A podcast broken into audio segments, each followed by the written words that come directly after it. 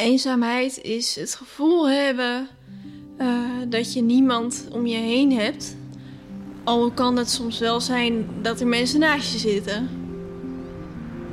Deze aflevering wordt aangeboden door Coalitie Haarlem.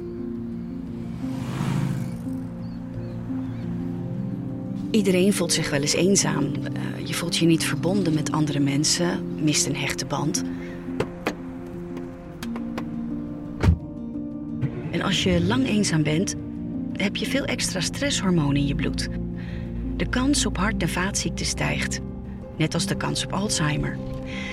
Eenzaamheid kan leiden tot depressie en tot zelfmoord. Hoe breek je uit die situatie? Daarover praten we vandaag. En daarom ben ik nu onderweg naar Lies. Lies is 84 en woont alleen. Eenzaamheid speelt een rol in haar leven en ik hoop van haar te horen hoe dat zit. Ik ben Petty Lou van Audiodroom en dit is de Eenzaamste Podcast.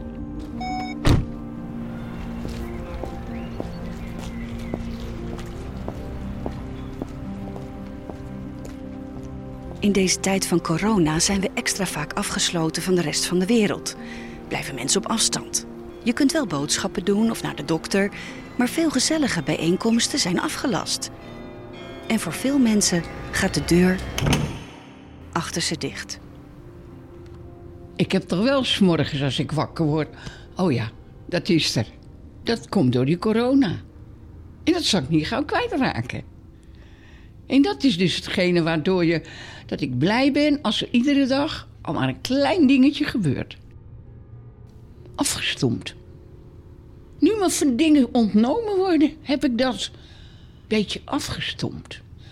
En ik begrijp het wel dat het me ontnomen is. Want ik ben niet de enige. Maar ik mis het wel enorm. Het leven van Lies is in het laatste jaar enorm veranderd. Ze is veel eenzamer geworden, dankzij het virus. Veel van de sociale activiteiten die Lies had, vielen in één keer weg. Ze zat alleen en vooral, ze zat thuis. Nou, ik, ik deed dus uh, uh, dinsdags, donderdags en vrijdags ging ik hier naar de Vinci, een restaurantje. Nou, dan had je je sociale contact van hier tot Gunder, van vijf tot zeven. En dan ging weer naar huis. Ik had iedere maandagmiddag mijn koor. Dat is nu in april 25 jaar uh, bestond dat.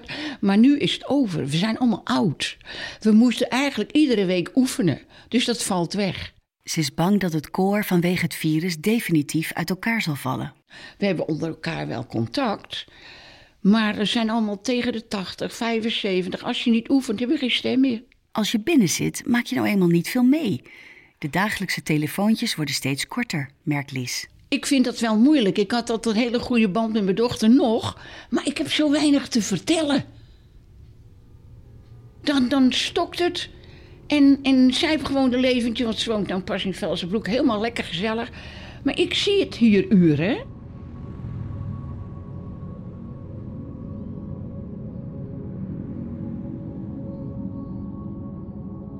Je zou misschien zeggen dat eenzaamheid vooral bij ouderen voorkomt. En dat is ook zo, zeker als een partner komt te overlijden. Maar ook jongeren zijn steeds vaker eenzaam, zo blijkt uit onderzoek. Neem 100 jonge meisjes en er zijn er al snel 20 heel erg eenzaam. Op school, op het werk, privé. Jongeren moeten aan forse eisen voldoen. Ze voelen dat ze er perfect uit moeten zien en een geslaagd sociaal leven moeten hebben. Als dat niet meteen lukt, komt een gevoel van falen. Dat leidt tot verminderd zelfvertrouwen en dat leidt tot eenzaamheid.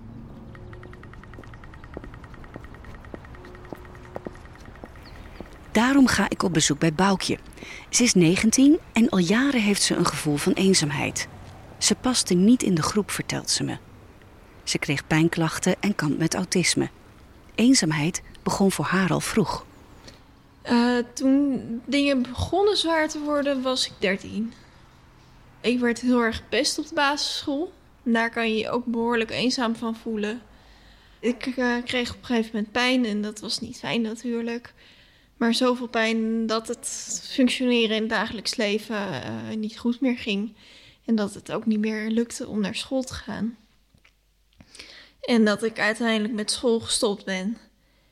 En als je heel weinig in contact komt met mensen van je eigen leeftijd of mensen uh, buiten je gezin om of eh, anders dan hulpverleners,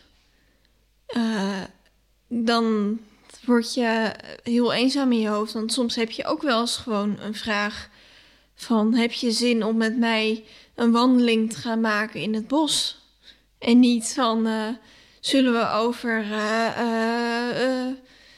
de gedachten in je hoofd hebben, om zo maar te zeggen. Ze realiseert zich wel dat het contact maken met nieuwe mensen belangrijk voor haar is.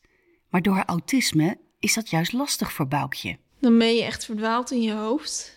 En ik vind het ook lastig om uh, mensen te leren kennen. Ik vind het ook lastig om contact te maken met nieuwe mensen. Uh, dat ligt weer wel aan hoe, uh, wie ik ben en hoe het in mijn hoofd werkt. Het kost heel veel energie en je moet er echt de tijd voor nemen. Uh, en heel vaak is die sta stap een stap te ver. Maar je moet er juist, juist weg uit je vertrouwde omgeving om dat goed te kunnen laten lukken. Boukje van 19 en Lies van 84, ze kampen alle twee met hetzelfde probleem. Wat mij opvalt als ik met ze praat, is dat ze zich beide realiseren dat de oplossing zit in het ontmoeten van mensen. En dan vooral nieuwe mensen. Maar door allerlei omstandigheden lukt het niet om die stap te zetten.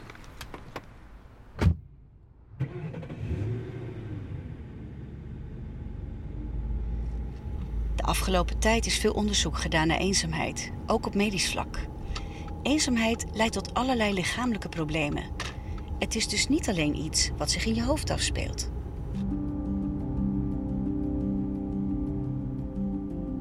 In 2003 ontdekten hersenonderzoekers dat eenzaamheid pijn kan veroorzaken.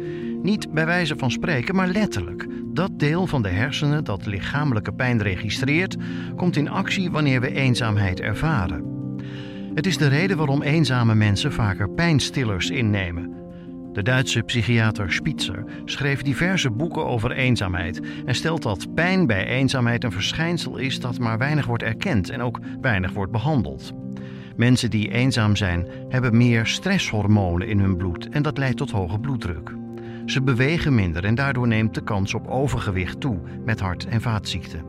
Het immuunsysteem werkt minder goed. Volgens Manfred Spitzer moeten we eenzaamheid daarom zien als een ziekte. Die eerste studie, eenzaamheid is de killer nummer 1 verglichen. Eenzaamheid is de grootste doodsoorzaak als je het vergelijkt met roken of overgewicht. Dat bleek uit een studie van 300.000 mensen en later werd dit bevestigd door een studie onder 3,5 miljoen mensen.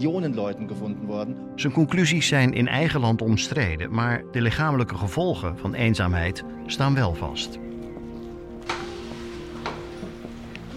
De oplossing van eenzaamheid zou gek genoeg wel eens lichamelijk kunnen zijn. Wat kun je doen met je lijf om je meer zelfvertrouwen te geven? Om het gevoel te krijgen dat je controle hebt, dat je zelf bepaalt welke kant je op gaat. Hester, de vrouw die ik nu ga ontmoeten, bedacht dat de oplossing best wel eens hier kon liggen. Op de manege. Ik ben uh, acht jaar geleden in mijn eentje te paard door Mongolië getrokken. Uh, uit een verlangen naar verbinding met mezelf. Omdat ik dat in mijn leven niet kon voelen.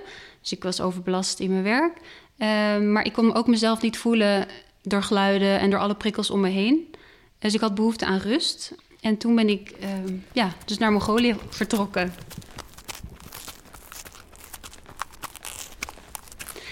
Ik ben verschillende tochten te paard gaan rijden. En door dat vele paardrijden ja, kwam ik heel erg in contact met mijn lijf en mijn emoties. En juist door het contact met het, ja, met het paard of met de paarden in Mongolië, een soort vele paardrijden, uh, ja, was het alsof mijn ziel zich opende. Uh, en eigenlijk kwam ik heel erg in mijn lijf, uh, waardoor ik dus ook ja, heel dicht bij mezelf kwam.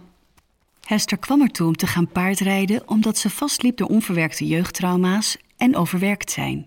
En toen liep haar relatie op de klippen. Toen ging het uit met mijn vriend en toen was, stond ik in de keuken. En toen kreeg ik een soort ja, visioen van...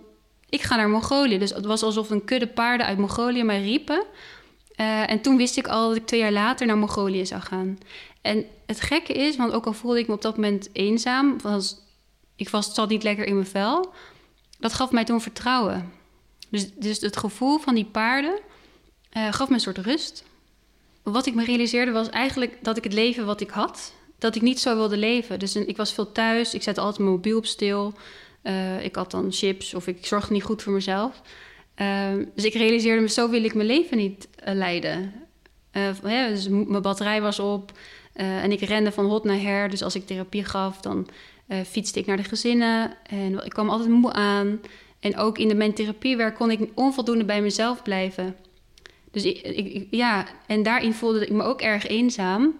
Omdat ik denk, ik, ik kon mezelf niet voelen. En door het contact met de paarden ben ik dat heel erg gaan voelen. Hester besloot de reis naar Mongolië te maken.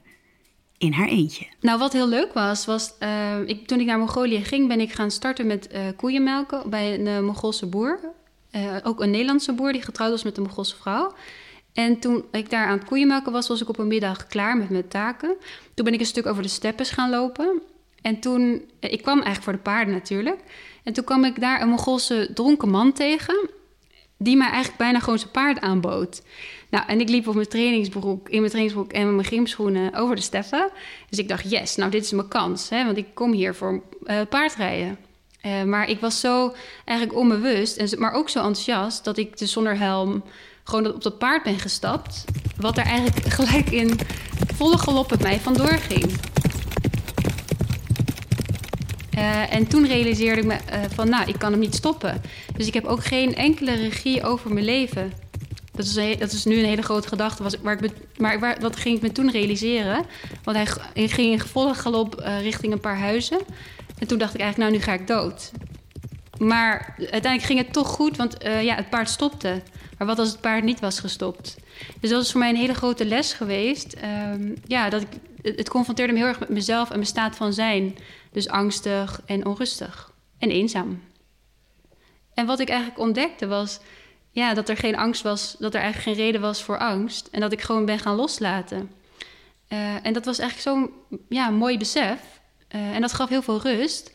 Dat het paard daarna ook gewoon rustig werd. En wij gewoon verder. Ja, gewoon is, is, ook nog wel in galop. Maar ik had in ieder geval weer controle.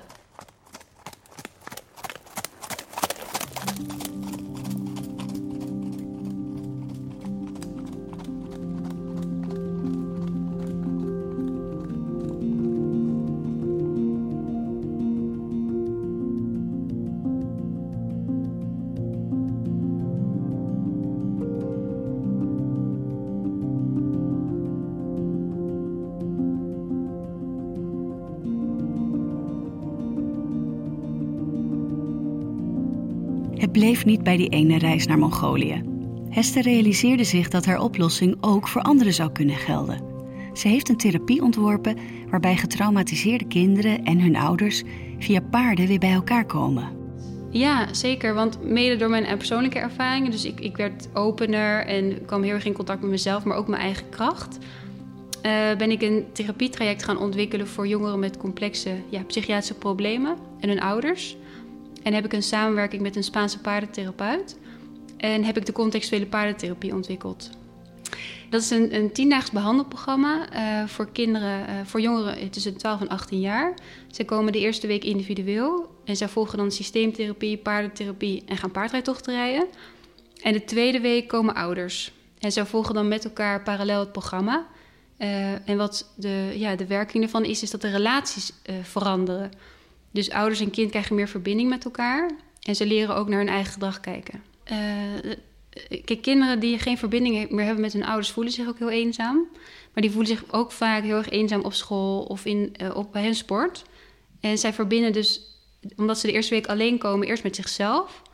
Dat we vanuit de gedachte werken dat als je eerst meer geconnect bent met jezelf, dat je ook veel meer open staat voor je ouders. Uh, en de ouders zijn ook vaak het, ja, het contact met zichzelf verloren, omdat ze zich zoveel zorgen maken om hun kind. Het is vaak een wisselwerking. Uh, en door de, door de paarden ja, voelen ze zich meer verbonden met zichzelf en elkaar. Maar ook met het leven, omdat ze meer levensenergie ervaren. De paardentherapie heeft al heel wat kinderen geholpen. Maar veel mensen die kampen met eenzaamheid vragen zich af of er voor hen wel een oplossing is. Snelle oplossingen voor eenzaamheid bestaan bijna niet. Elke oplossing die je in één zin kunt samenvatten, werkt niet echt tegen eenzaamheid. Dat zegt de Duitse eenzaamheidsdeskundige Spitzer. Het advies: ga gewoon eens de deur uit, noemt hij een belediging. dan ga je ervan uit dat mensen dat niet ook al zelf hebben bedacht. Wat volgens hem werkelijk helpt is als je iemand die eenzaam is duidelijk kunt maken dat er anderen zijn die hun hulp nodig hebben. Anderen helpen. Het kan zorgen voor eigenwaarde, voor zelfvertrouwen. En dat is nodig om je open te stellen tegenover anderen. Iemand die eenzaam is, heeft jou niet nodig. Het omgekeerde werkt vaak beter. En wat is dan voor Boukje van 19 jaar een oplossing?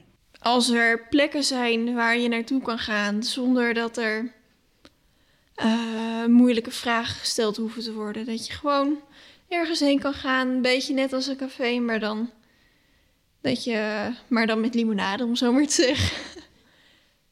uh, ik heb zelf ook autisme. En uh, je hebt wel audi-cafés en zo. Maar het zijn niet heel bereikbare plekken, omdat het zo gericht is op dat stuk uh, autisme dan en niet, niet in het stuk mens. Boukje probeert bezig te blijven om niet voortdurend thuis te zitten. Uh, ik ga naar dagbesteding onder andere. Dat is nu tijdelijk gestopt, maar vanwege de coronapandemie. En uh, ik ga ook, uh, probeer ik wel af en toe af te spreken met mensen. Maar eigenlijk de enige vriendinnen die ik heb, die wonen... De een woont in België en de ander woont in Leiden. Dus dat gaat wat lastig. En ik vind het ook lastig om, uh, zoals sommige mensen heel goed kunnen, urenlang te bellen. Uh, zo, ik bak en kook heel graag. Ik knutsel ook heel graag. Ik maak hondenkoekjes. Uh, voor onder andere mijn eigen hondje. Ik, ja, ik maak van alles eigenlijk wel. Vogeltaarten tot dit moment ook mondkapjes. Dat helpt niet om eenzaamheid te doorbreken. Het helpt wel om je bezig te houden. En niet in een depressie te gaan. Corona heeft voor veel mensen het probleem van eenzaamheid erger gemaakt. Niet alleen afspraken en clubs die wegvallen, maar ook op straat is het stiller. Lies van 84 vertelde me dat corona de eenzaamheid pas echt in haar leven heeft gebracht. Want wat zegt Rutte, het vorige, uh, weet dat, dat je van hebt een conferentie. Ja, je mag drie mensen in huis. Dan denk ik, ja, makkelijk praten, ik wou ik ze had. Ja, wie komt er nou zomaar tegenwoordig op visite? Ze hebben allemaal, de ene is nog banger dan de andere en de andere willen toch volgen. Dat doe ik ook. Ik heb in alle twee mijn tassen wel een kapje. Als dat moet, dan doe ik dat. Maar het is makkelijk gezegd. Alleen mijn kleindochter uit Haarlem-Noord die komt gewoon, die was ook. En dan knuffelen we. Maar verder, ja. Wat ik het meeste mis, dat vind je misschien heel gek, is de bingo. Iedere twee maanden. Dan naar de wereld. Dan naar Molenburg. Dan naar uh, Schalkweide. Noem maar op. Zo gezellig altijd. Ja, heel leuk. En dat zeg ik ook, dat restaurantje hier is zo gezellig. Ik ken zoveel mensen. Allemaal gestopt. Ik ben al blij dat onze gym weer doorging. Omdat je dan lekker uit, uit elkaar zit en je krijgt goed gym. Ik probeer uh, ook wel echt in mijn planning bewust dingen te zetten... Uh, die ik niet in mijn eentje aan het doen ben. Of niet met, uh, met een therapeut. Of niet met de begeleider. Of mijn ouders misschien ook niet. Want ja, mijn ouders zijn erg lief en leuk, maar uh, ja, het zijn ook mijn ouders. Bijna iedereen heeft dezelfde ervaring, of ze nu jong of oud zijn. Eenzaamheid sluipt in je leven. En langzaam wordt het een gewoonte die je moet afleren. Alleen zijn wordt je comfortzone. En het is niet makkelijk om daar weer uit te komen. In mijn gesprekken met Lies, Boukje en Hester is me duidelijk geworden dat je eenzaamheid verminderen een proces is. Je staat op, je, je pakt een glas water, je uh, pakt je ontbijtje, je laat de hond uit, uh, zo zeg maar. Uh, maar zo kan eenzaamheid ook in je ritme komen. En het is heel moeilijk om verandering aan te gaan. of dat nou betekent eenzaamheid ingaan of eenzaamheid uitgaan het is gewoon lastig om te veranderen. Wie je ook bent en wat je ook doet. We hopen dat deze aflevering je inzicht heeft gegeven om over na te denken. Want het voorkomen, maar ook tegengaan van gevoelens van eenzaamheid is een taak van ons allemaal. En wat kun jij voor een ander doen? En hoe wil je dat aanpakken? Stuur gerust een reactie naar info audiodroom.nl en wie weet vragen we je mee te werken aan de volgende aflevering van De Eenzaamste Podcast. Heeft deze aflevering je geïnspireerd of geraakt? Schrijf dan een review bij Apple Podcast of laat een rating achter. Of als je luistert via Spotify, deel de aflevering. Dan help je anderen om deze podcast te ontdekken. Vergeet niet om je gratis op deze serie te abonneren met de subscribe of abonneerknop. Dan verschijnen nieuwe afleveringen automatisch in je podcast-app. Als je met iemand wilt praten naar aanleiding van dit onderwerp, bel dan met de luisterlijn. Ze zijn er 7 dagen per week, 24 uur per dag op 0900 0767. De luisterlijn.